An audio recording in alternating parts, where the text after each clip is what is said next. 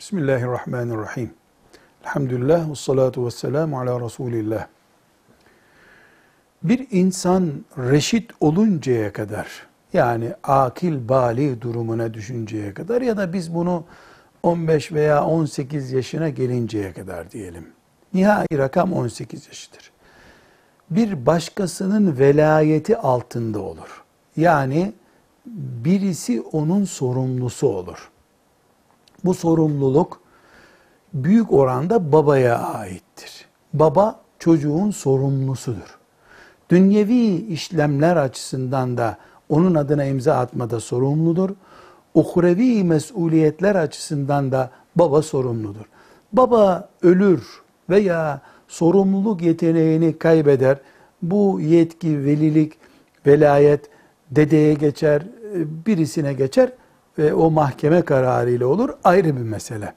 Ama normal şartlarda bir çocuğun velayeti yani sorumluluğu babasına aittir. Baba ihmal ediyor ya da kültürlü değil, okumuş değil diye amca çocuğa velilik yapabilir mi? Veya dayı velilik yapabilir mi? Bir baba sağken ve mahkeme kararıyla, kadı kararıyla babanın velayeti iptal edilmediği sürece bir çocuğun babasının yerine kimse konamaz. Amca, dede, dayı hiç kimse. Çocuğu Allah babadan sorar.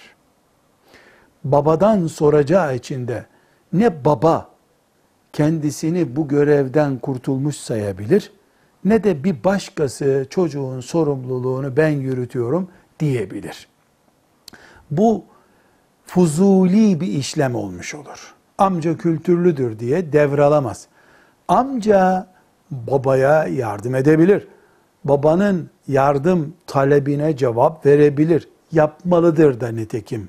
Ama babası sağ olan bir çocuğun sorumlusu babadır.